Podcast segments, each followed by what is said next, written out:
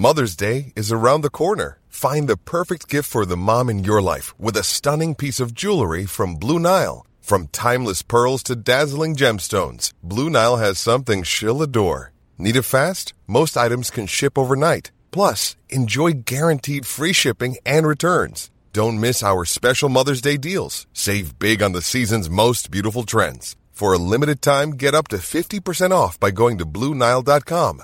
That's BlueNile.com. Hiring for your small business? If you're not looking for professionals on LinkedIn, you're looking in the wrong place. That's like looking for your car keys in a fish tank. LinkedIn helps you hire professionals you can't find anywhere else, even those who aren't actively searching for a new job but might be open to the perfect role. In a given month, over 70% of LinkedIn users don't even visit other leading job sites. So start looking in the right place. With LinkedIn, you can hire professionals like a professional. Post your free job on linkedin.com slash people today. A lot can happen in the next three years. Like a chatbot may be your new best friend. But what won't change? Needing health insurance. United Healthcare Tri Term Medical Plans are available for these changing times. Underwritten by Golden Rule Insurance Company, they offer budget friendly, flexible coverage for people who are in between jobs or missed open enrollment. The plans last nearly three years in some states, with access to a nationwide network of doctors and hospitals. So, for whatever tomorrow brings, United Healthcare Tri Term Medical Plans may be for you. Learn more at uh1.com. Palmemordet. Teknikens under.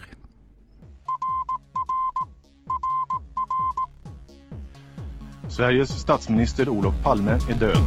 90 000. Ja, det är mord på Sveavägen. Hörde de säger att det är Palme som är skjuten. Mordvapnet med säkerhet är en Smith Wesson, en revolver kaliber .357. Inte ett svar. Finns inte ett svar. För jag har inget. Och jag har inte varit Varför skulle jag Polisen söker en man i 35 till 40-årsåldern med mörkt hår och lång mörk rock. Välkomna till podden Palmemordet som idag görs av mig, Tobias Henriksson på PRS Media. Glöm inte att ni kan sponsra oss och se till att vi kan göra extra bra avsnitt samt fortsätta med de stora spåren, som till exempel Polisspåret. Gå in på patreon.com palmemordet för att donera en summa som podden får per publicerat avsnitt. Det är alltså patreon.com palmemordet. Idag ska vi gå på djupet med en fråga som intresserat många under årens gång. För i takt med att kriminaltekniken gått framåt har vi också fått nya möjligheter att upptäcka och lösa brott. Vad hade hänt om det funnits övervakningskameror vid Jack the Rippers mord? Hade en del av dem, eller kanske alla, gått att lösa? Hade dagens teknik kunnat lösa mordet, om det nu var ett mord, på Katrin da Costa? Men viktigast av allt, om mordet på Olof Palme ägt rum idag, hade det funnits bättre möjligheter att lösa det, till exempel med modern teknik? Vi kommer självklart att prata om DNA senare i avsnittet, men låt oss börja med något annat som kan förhindra eller upptäcka brott. För tänk dig att du har en medarbetare som kan vara på ett oändligt antal platser samtidigt utan att tröttna eller behöva rast. Och som dessutom har ett fotografiskt minne för vad som sker på en viss plats. Den medarbetaren finns och kallas övervakningskamera. Det är idag svårt att säga hur många övervakningskameror som finns i Sverige, men siffror från 2017 visar att 33 000 anmält eller sökt tillstånd för kameraövervakning. Det säger dock inget om antalet faktiska kameror, eftersom de som gjort en anmälan eller fått ett tillstånd oftast har flera kameror för att bevaka till exempel sin butik. Brottsförebyggande rådet, förkortat BRÅ, har under längre tid tittat på effekterna av allmän kameraövervakning, alltså sådant som sker på gator och torg i syfte att minska brottsligheten. Men de slutsatser man kommit fram till är inte på något sätt entydiga, enligt en rapport vi tagit del av. Utifrån erfarenheter från andra länder vet man att det som kallas egendomsbrott minskar kraftigt med hjälp av kameraövervakning. Bland de här brotten finns bland annat inbrott, cykelstöld, stöld ur bilar och skadegörelse. I en fallstudie från 2003 testade man att kameraövervaka stora delar av Möllevångstorget i Malmö Främst för att få en avskräckande verkan på de som planerade brott i området. Här minskade också de polisanmälda brotten med 40 procent under det första året med kameraövervakning. Brotten mot personer, som misshandel och liknande, minskade ännu mer med hela 50 procent. Brå menar också att det man kallar överflyttningseffekt det vill säga att brotten istället begicks på närliggande platser, inte tycks ha skett. 2018 kom Brå med en ny studie i ämnet, där man hade ett större underlag att luta sig mot. Den här gången visade det sig att kamerabevakning gett bra resultat på brott mot fordon, egendomsbrott och narkotikabrott. Men däremot inte på våldsbrott och ordningsstörningar inte heller såg man någon klar förbättring i centrumkärnor utan mer på parkeringar och i bostadsområden. Att få någon slags statistik över hur många brott som klarats upp med hjälp av inspelat material eller liknande är betydligt svårare. Och i skrivandets stund hittar jag inte några siffror på det.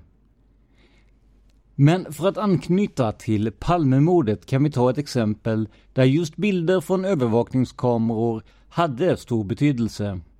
Och likheterna med det som hände 1986 är större än man kan tro. För den 10 september 2003 kom ytterligare en socialdemokratisk toppolitiker att möta sitt öde i Stockholm city. Det var i slutspurten av folkomröstningen om att införa euro i Sverige och utrikesminister Anna Lind var såklart hårt uppvaktad av media som en av företrädarna för ja-sidan. Den här olycksaliga dagen var hon och en väninna på väg till varuhuset NK i Stockholm för att titta på nya kläder inför kvällens tv-sända debatt. Väl på NK attackerade mördaren Anna Lind med en kniv och högg henne i buken och på armarna. Utrikesministern fördes till sjukhus men avled dagen efter. Under tiden pågick en febril aktivitet bland polisen. Utredningen fick inte hamna i samma återvändsgränd som Palmeutredningen vid det laget hade gjort. Man måste hitta mördaren. Den 11 september tog polisen hand om tusentals timmars inspelningar från övervakningskameror i centrala Stockholm. Inne på varuhuset NK hade övervakningskamerorna spelat in en man som stämde överens med vittnenas beskrivning av gärningsmannen. På bilderna sågs en yngre spänslig man klädd i keps, grå munkjacka och gröna byxor som med bestämda steg vandrade runt i varuhuset utan att egentligen stanna och titta på något i dess butiker. Bilderna på den så kallade NK-mannen lades in i polisens sekretessbelagda interna register Akutinfo den 12 september och man hoppades att någon polis i landet skulle känna igen mannen så att man på så vis skulle kunna identifiera honom. På morgonen den 13 september publicerade både Aftonbladet och Expressen polisens bilder på mannen på NK.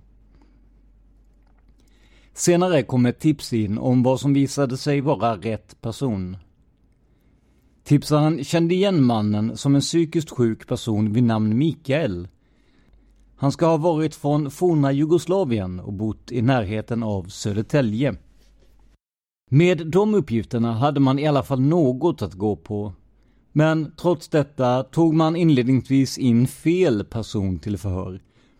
En 35-årig man med ett digert brottsregister togs in och häktades den 19 september. En pikant detalj i sammanhanget är att den misstänkte 35-åringen hade samma advokat som en annan misstänkt. En som var 33 år. Just det. Gunnar Falk försvarade både Viktor Gunnarsson och den nu misstänkte mannen. Och sett i backspegeln tycks han ha gjort det rätt bra med tanke på att båda gick fria.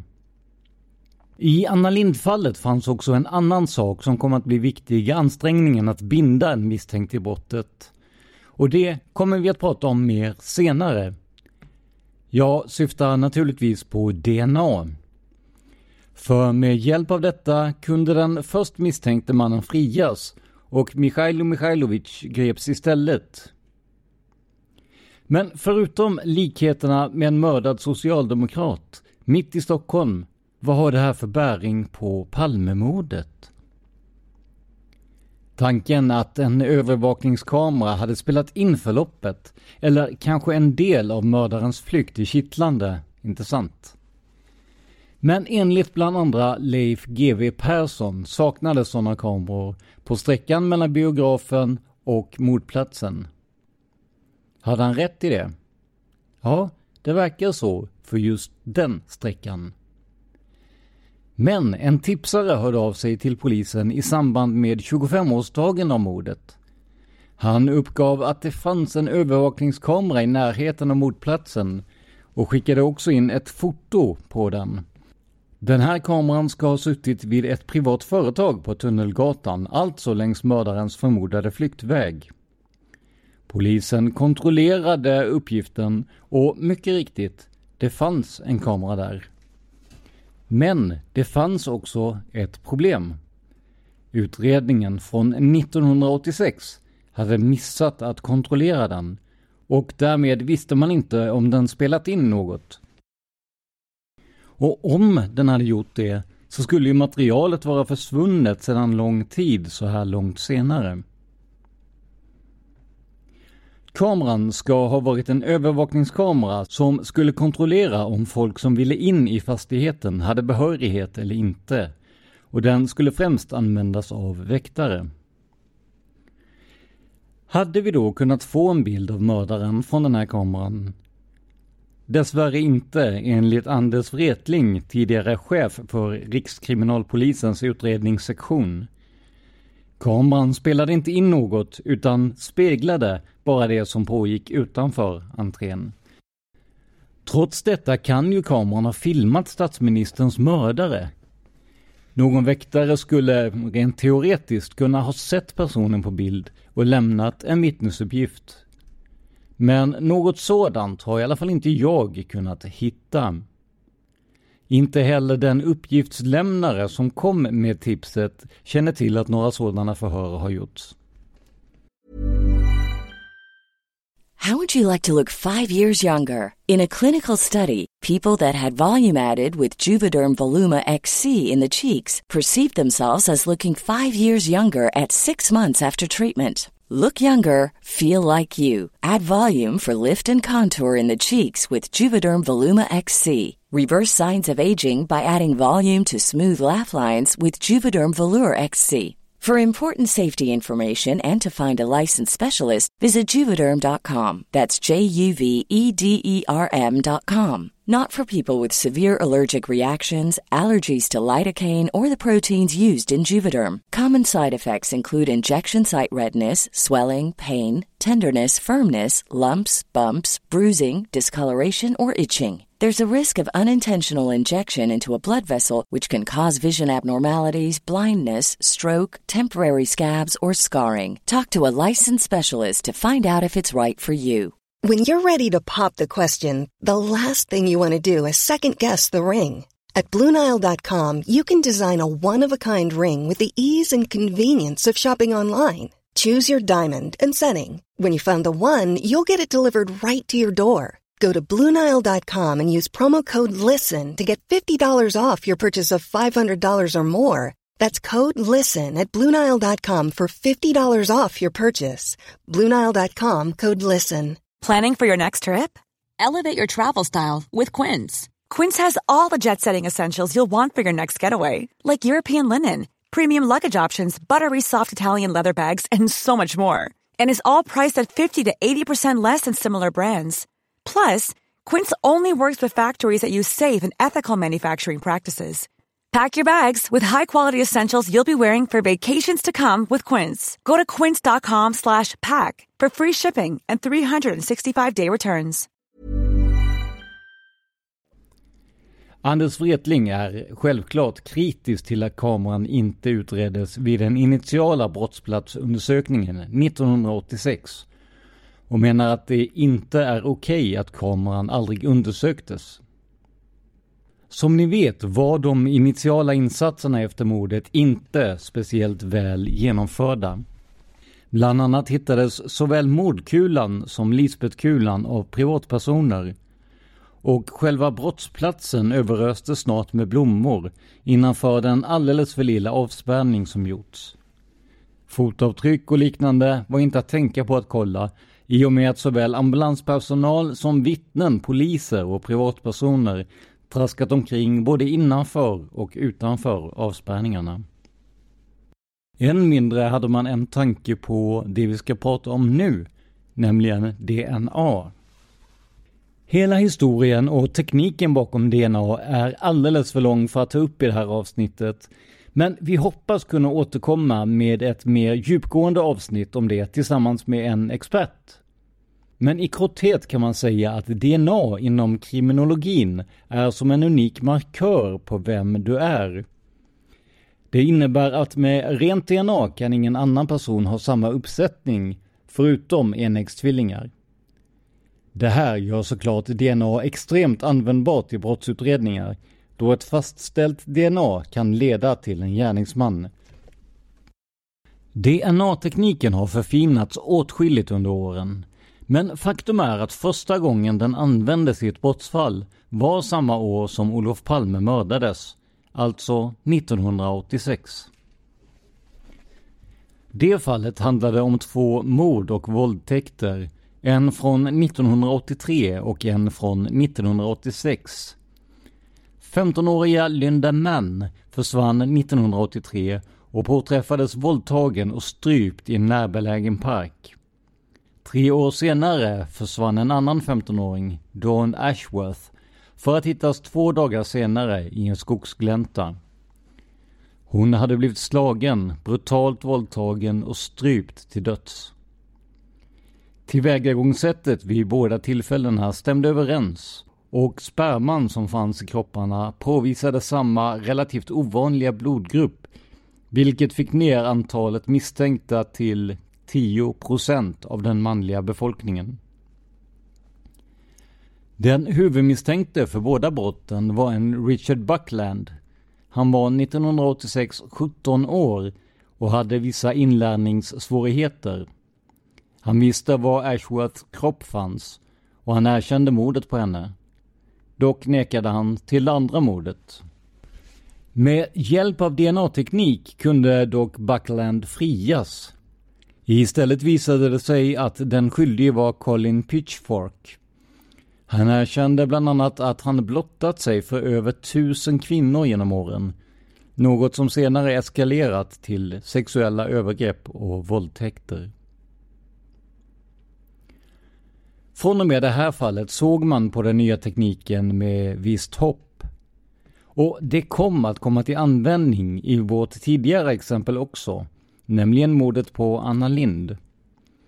För det var inte bara kameror som hjälpte till att lösa det här fallet, utan även just DNA. Från kniven och den keps som mördaren slängt kunde man utvinna DNA, men vid det här tillfället hade man inget att matcha det mot. Polisen tog då till en mycket ovanlig åtgärd. Man hade ju ett tips om en Mikael, som senare visade sig heta Michailo, men man visste inte om DNA man hittat tillhörde honom. Man begärde då att få ut Mikhailovic så kallade PKU-test från Huddinge sjukhus. PKU-testen i det så kallade PKU-registret innehåller blodprover från nästan alla som är födda i Sverige efter år 1975 och från det här blodprovet kunde man få fram ett DNA. Spår från kniv och keps skickades till Forensic Science Service i Birmingham i Storbritannien och den 24 september kunde man meddela att det fanns DNA från två personer på mordvapnet. Från Anna Lind och från Mikhailovic.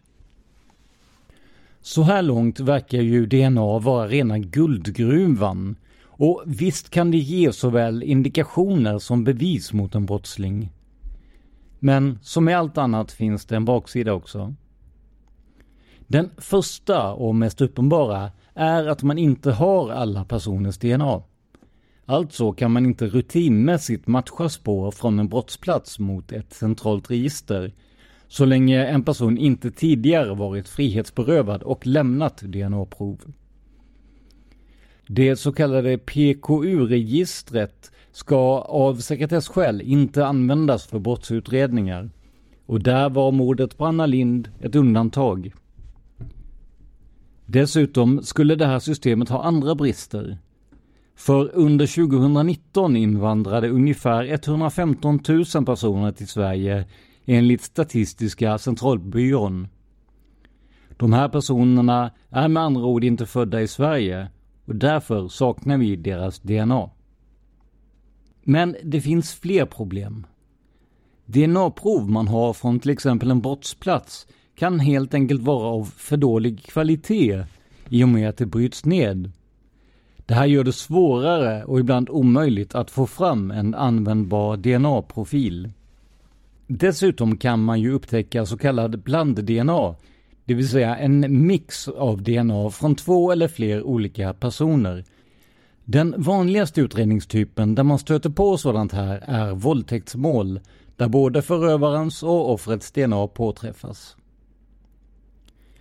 Med den senaste tekniken är det idag betydligt lättare att särskilja DNA som i exemplet ovan. Men även om du får reda på vem personen är som avsatt DNA så vet du kanske inte alltid om han eller hon var gärningspersonen. I fallet med Michailo Mikhailovic var det ganska solklart. På mordvapnet fanns offrets och gärningsmannens DNA. Alltså höll han i det vapen som dödade utrikesministern. Men skulle DNA kunna vara till hjälp i fallet med Palmemordet? Ja, det är inte solklart. Låt oss titta på varför. Vi börjar med att följa i makarna Palmes fotspår genom kvällen. Först klär de sig i lägenheten för att åka till bion. Här avsätter såklart Olof DNA på sin rock, men kanske även Lisbet om hon räcker honom rocken eller hjälper honom på med den. Väl inne i tunnelbanan kan det räcka med att någon lägger handen på Palmes axel för att signalera att han vill stiga av för att DNA ska avsättas. På bion tar Palme av sig rocken, alternativt får hjälp med detta. Då avsätts hans eller hjälpredarens DNA på rocken. På väg hem mot Gamla stan blir han så skjuten. Och här kommer väl det hopp som många utredare har. För en del vittnen säger att mördaren la sin hand på Olof Palmes axel strax innan det dödande skottet. Tänk om gärningsmannen i så fall avsatt DNA på rocken. Det är troligt om man förutsätter att iakttagelserna är korrekta. Men vad händer om man hade handskar på sig? Då avsätts ju inget DNA.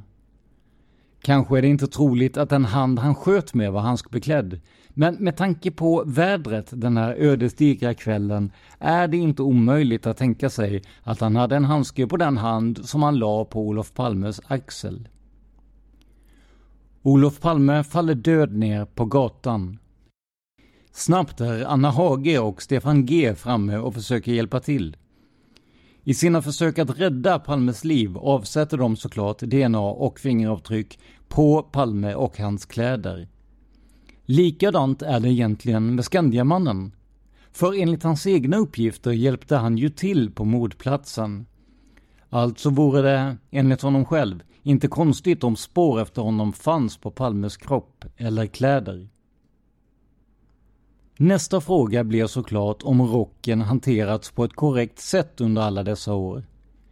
När det här skrivs ska den förvaras nedfrusen, Men redan 2008 undersökte man DNA på den enligt tidskriften Ny Teknik. Man hittade förvisso DNA, men föga förvånande var det Olof Palmes egna genetiska kod. Men det här var alltså 12 år sedan. Sedan dess har tekniken stadigt gått framåt i en fart som utredarna 1986 knappast ens hade kunnat föreställa sig. Och när det här spelas in är det faktiskt uppgifter i svaj om att DNA kan komma att spela en roll i försöken att fälla eller fria en misstänkt.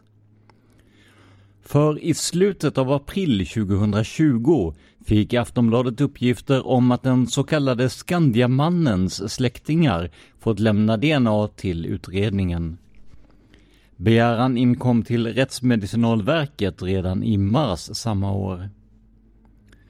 Det var i början av året som släktingar till Skandiamannen kontaktades av polisen med en förfrågan om att lämna sitt DNA. De experter som Aftonbladet pratat med säger att det är troligt att man försöker göra en släktskapsutredning, alltså att försöka se om något spår i utredningen kan ha avsatts av Skandiamannen. Stig E, som han egentligen heter, är ju inte längre i livet och då får man ta omvägen via hans släkt. Det här har gjorts förut, bland annat i fallet med Er Ons, som Dan berättar om i Seriemördarpodden. Med hjälp av släktingars DNA kunde det här mordet klaras upp efter mer än 40 års jakt. Hör mer om det i Seriemördarpodden. Men åter till Palmemordet. Varför gör man den här släktkollen på Skandiamannen? Har man äntligen hittat DNA-spår som går att använda i utredningen? Och i så fall, testar man Skandiamannens släktingar för att binda honom till brottet eller för att utesluta honom? Vi kan konstatera att de kommande månaderna blir mycket spännande för alla som är intresserade av Palmemordet. Och vem vet, kanske DNA än en gång kan lösa mordet på en högt uppsatt politiker i Sverige. Det vi vet är att genetiska spår från kulorna inte kommer att lösa något. Detta av en väldigt enkel anledning. Kulorna tvättades av efter mordet för att man skulle kunna typbestämma dem. Idag hade man tagit prover på det blod och andra kroppsliga spår som fanns på kulan. Men 1986 tycks man inte ha tänkt så långt. Alla biologiska spår försvann rakt ner i vasken. Och ska man titta på det rent krast så var det ju två privatpersoner som hittade kulorna. Risken att de avsatt fingeravtryck eller DNA på kulorna är såklart uppenbar. Och i och med att vi inte har spår från Olof Palme på kulorna och att de inte hittades av polisen minskar såklart deras bevisvärde. För om man vill vara konspiratoriskt lagd så skulle ju kulorna kunna vara ditlagda i efterhand för att förvilla. För som ni hört i avsnitten vi gjort om mordvapnet så upptäcktes kulorna en bra bit utanför avspärrningarna. När det gäller just kulorna är det inte bara bristen på biologiska spår som är påtaglig, enligt Palmegruppens chef Hans Melander. Han menar också att kulorna i sig är i så pass dåligt skick att de är svåra att binda till ett visst vapen. Inte nog med det. Han menar också att det kan vara svårt att utesluta att de skjutits ur andra vapen än en Smith Wesson. Så om man ser rent krast på det kriminaltekniska utredningsläget så ser det kanske inte allt för ljust ut. Men som sagt, Christer Petersson har lovat att servera oss ett svar innan halvårsskiftet. Har ett eventuellt spaningsgenombrott skett med traditionella metoder? Eller har man använt sig av teknik som tillkommit senare? En del av den teknik som kommit på senare år ska vi titta på nu och försöka sätta in i ett sammanhang när det gäller Palmemordet. Låt oss göra ett tankeexperiment. Det är den 28 februari 2020. I den här alternativa verkligheten får vi tänka bort att många uppmärksammar Olof Palmes dödsdag och förutsätta att de yttre omständigheterna är ganska lika hur de var 1986. I det här scenariot har vi så att säga teleporterat Olof Palme till 2020 för att se hur det skulle sett ut idag och vilka spår han och andra lämnar efter sig. Och det här kanske kan verka lite fånigt, men försök sätta er in i det utifrån hur en person avsätter spår. Det är alltså den 28 februari i en alternativ nutida verklighet. Olof Palme har pratat med partisekreteraren Bo Toresson och före detta statsrådet Sven Aspling via mobiltelefonen.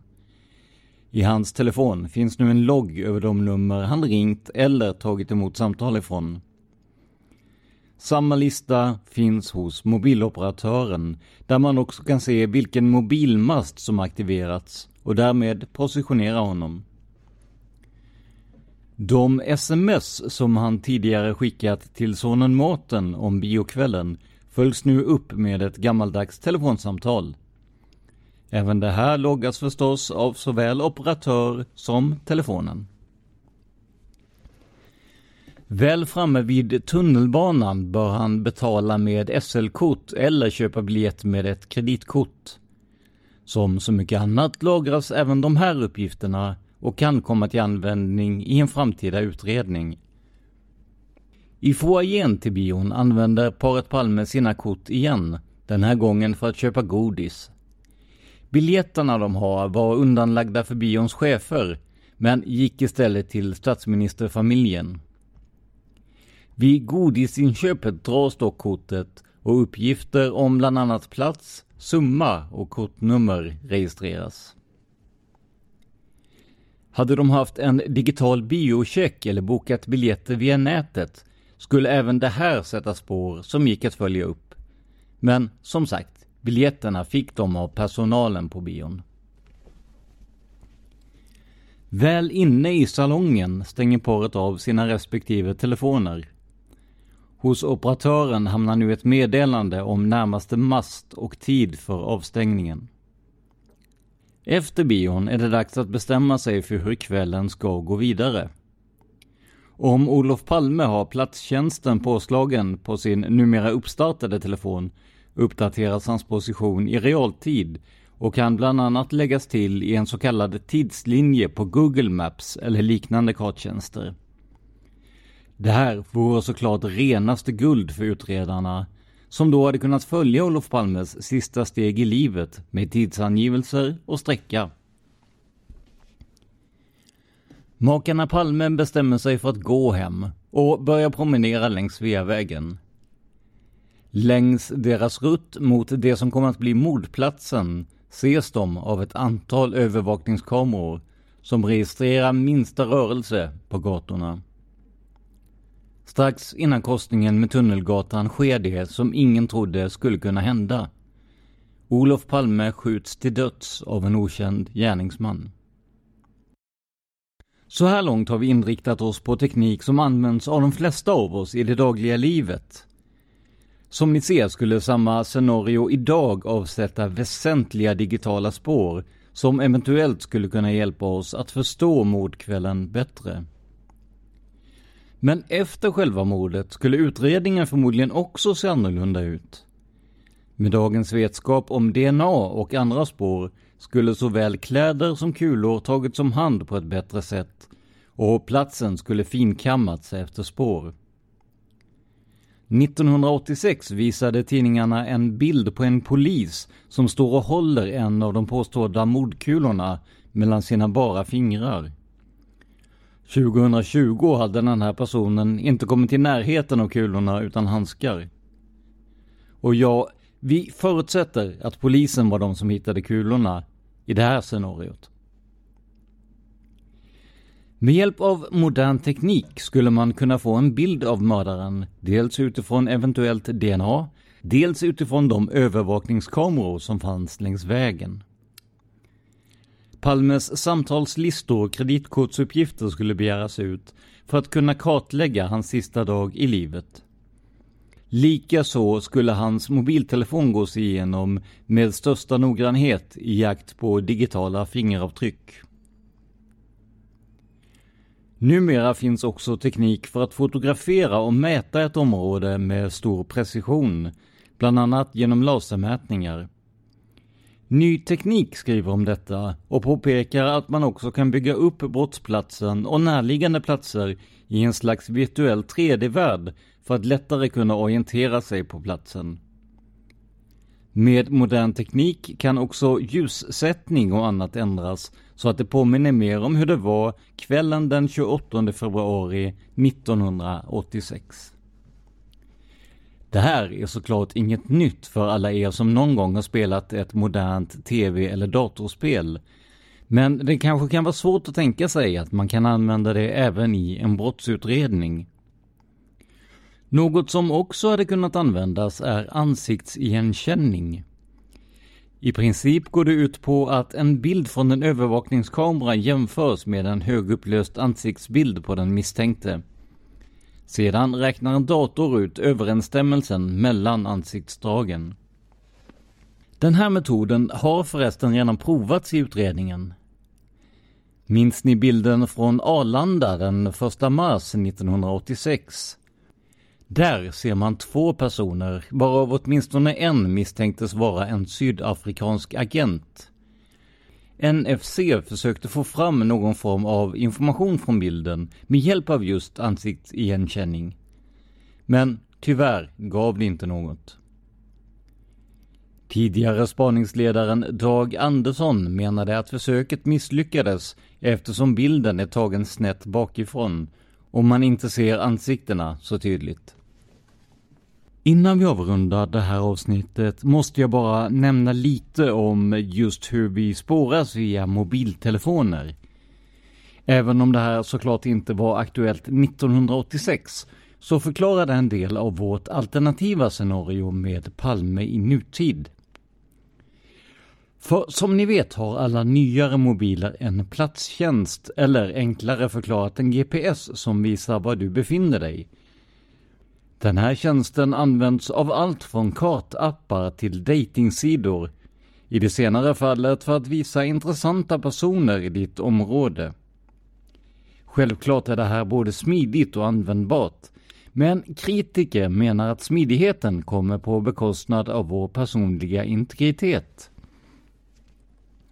För även om du stänger av GPSen på telefonen spåras du ju ändå till tid och plats, som vi visade i exemplet ovan. Det vanligaste, som man ofta ser i brottsutredningar, är lokalisering med hjälp av den mast som du kopplar upp dig mot. Självklart behöver ju din telefon vara ansluten till en basstation, alltså en mast, för att kunna användas. Och det gör att operatören hela tiden kan se vilken mast en specifik mobil är uppkopplad mot. Men till skillnad från vad man ser i tv-serier och liknande är positionering via mobilnätet långt ifrån exakt. Mobilen kan i princip vara var som helst på en flera kvadratkilometer stor yta. Detta gör att man i vissa fall får fel data, det vill säga att man förstått det som att en person varit på en viss plats med tanke på hans eller hennes uppkoppling, men att hen inte alls varit där. Med tanke på att informationen är så pass osäker, eller snarare oprecis, är det betydligt lättare att säga var en person inte varit istället för vad den faktiskt var med hjälp av mobilmaster. Du kan också spåras via din IP-adress det vill säga den adress eller sifferkombination som du kopplar upp dig mot internet med. Den kan visa en grov uppskattning av din geografiska position, som i vilket land och vilken stad du är i, men inte mer än så. Kopplingen mellan just din IP-adress och din person är det bara operatören som känner till. Ja, om du inte är föremål för en utredning där polisen fått ut materialet såklart. Det här är såklart inte särskilt problematiskt för den som inte har något att dölja. Men som ni säkert vet är det fler än vi själva som får del av vår information. Vill vi att annonsörer, företag och mediakoncerner ska veta allt om oss, från vad vi googlar till var vi befinner oss? Men det är ett ämne för en helt annan podd. Men för varje dag som går hittar vi nya användningsområden för den teknik som börjar bli en del av vår vardag. Så frågan är, när Christer Petersson redovisar sin lösning, är det traditionellt polisarbete som ligger bakom? Eller är det rent av teknikens under? Gå gärna in och kommentera dagens avsnitt på facebook.com palmemodet. Där kan ni också diskutera med andra Palmeintresserade. Är kriminalteknik ett ämne som intresserar er? Hur tror ni att utredningen sett ut om mordet begåtts idag? Gå gärna in och skriv av er. Om du gillar true crime och konspirationsteorier så har Dan och jag fler poddar som ni säkert kommer att gilla. Vi nämnde ju seriemördarpodden tidigare och i den går Dan igenom många av de absolut värsta seriemördarna som funnits på jorden. Podden är gratis, men om du vill lyssna på de riktigt gamla avsnitten behöver du en prenumeration på podmi.com. Då får du också minst ett bonusavsnitt i månaden under namnet Seriemördarpodden Premium. Tillsammans med Josefin Måhlén gör Dan också Mördarpodden. Där diskuterar han och Josefin mordfall eller mystiska försvinnanden, ofta på ett lite mer lättsamt sätt. Även jag har medverkat några gånger och bland annat pratat om fallet John Benet Ramsey och om olika tortyrmetoder. När det här spelas in är det maj 2020 och coronaviruset covid-19 härjar över världen. Kanske kan det då vara bra att få en jämförelse med tidigare pandemier, eller att få en möjlighet att lära sig något nytt. Dan blandar historia, skräck och fakta i sin nya podd Pandemipodden. Precis som Mördarpodden så är den gratis och finns överallt där poddar finns. I takt med att världen blev medveten om covid-19 uppstod såklart också en mängd konspirationsteorier. De här teorierna försöker jag och Dan reda ut, dels genom Pandemipoddens konspirationsspecial och dels genom min egna podd Tänk om. I den har jag under ett drygt års tid granskat konspirationsteorier och myter om så vitt skilda saker som ishockey som Titanics förlisning. Och visst finns det även en och annan konspirationsteori om Palmemordet där. Även Tänk om är gratis och finns på Acast och alla större poddplattformar. Det här var veckans avsnitt av podden Palmemordet som gjordes av mig, Tobias Henriksson på PRS Media.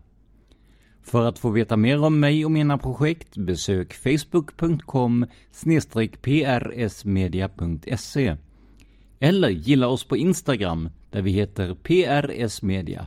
Ett ord, små bokstäver. Till sist vill vi rikta ett stort tack till alla som sponsrar oss på patreon.com palmemodet. Se till att du sponsrar du också så att vi kan återuppta polisspåret. Men framför allt, stort tack för att du lyssnar på podden Palmemordet. Man hittar Palmes mördare om man följer PKK-spåret till botten. Därför att ända sedan Julius Caesars tid har det aldrig hört talas om ett mord på en framstående politiker som inte har politiska skäl. Polisens och åklagarens teori var att han ensam hade skjutit Olof Palme. Och det ledde också till rättegång. Men han frikändes i hovrätten. Ut och röva. A lot can happen in three years, like a chatbot may be your new best friend. But what won't change? Needing health insurance. United Healthcare Tri Term Medical Plans, underwritten by Golden Rule Insurance Company, offer flexible, budget friendly coverage that lasts nearly three years in some states. Learn more at uh1.com. Hi, I'm Daniel, founder of Pretty Litter. Cats and cat owners deserve better than any old fashioned litter. That's why I teamed up with scientists and veterinarians to create Pretty Litter. Its innovative crystal formula has superior odor control and weighs up to 80% less than clay litter. Pretty Litter even monitors health by changing colors to help detect early signs of potential illness. It's the world's smartest kitty litter. Go to prettylitter.com and use code ACAST for 20% off your first order and a free cat toy. Terms and conditions apply. See site for details. Planning for your next trip? Elevate your travel style with Quince. Quince has all the jet setting essentials you'll want for your next getaway, like European linen, premium luggage options, buttery soft Italian leather bags, and so much more and is all priced at 50 to 80% less than similar brands. Plus, Quince only works with factories that use safe and ethical manufacturing practices. Pack your bags with high-quality essentials you'll be wearing for vacations to come with Quince. Go to quince.com/pack for free shipping and 365-day returns.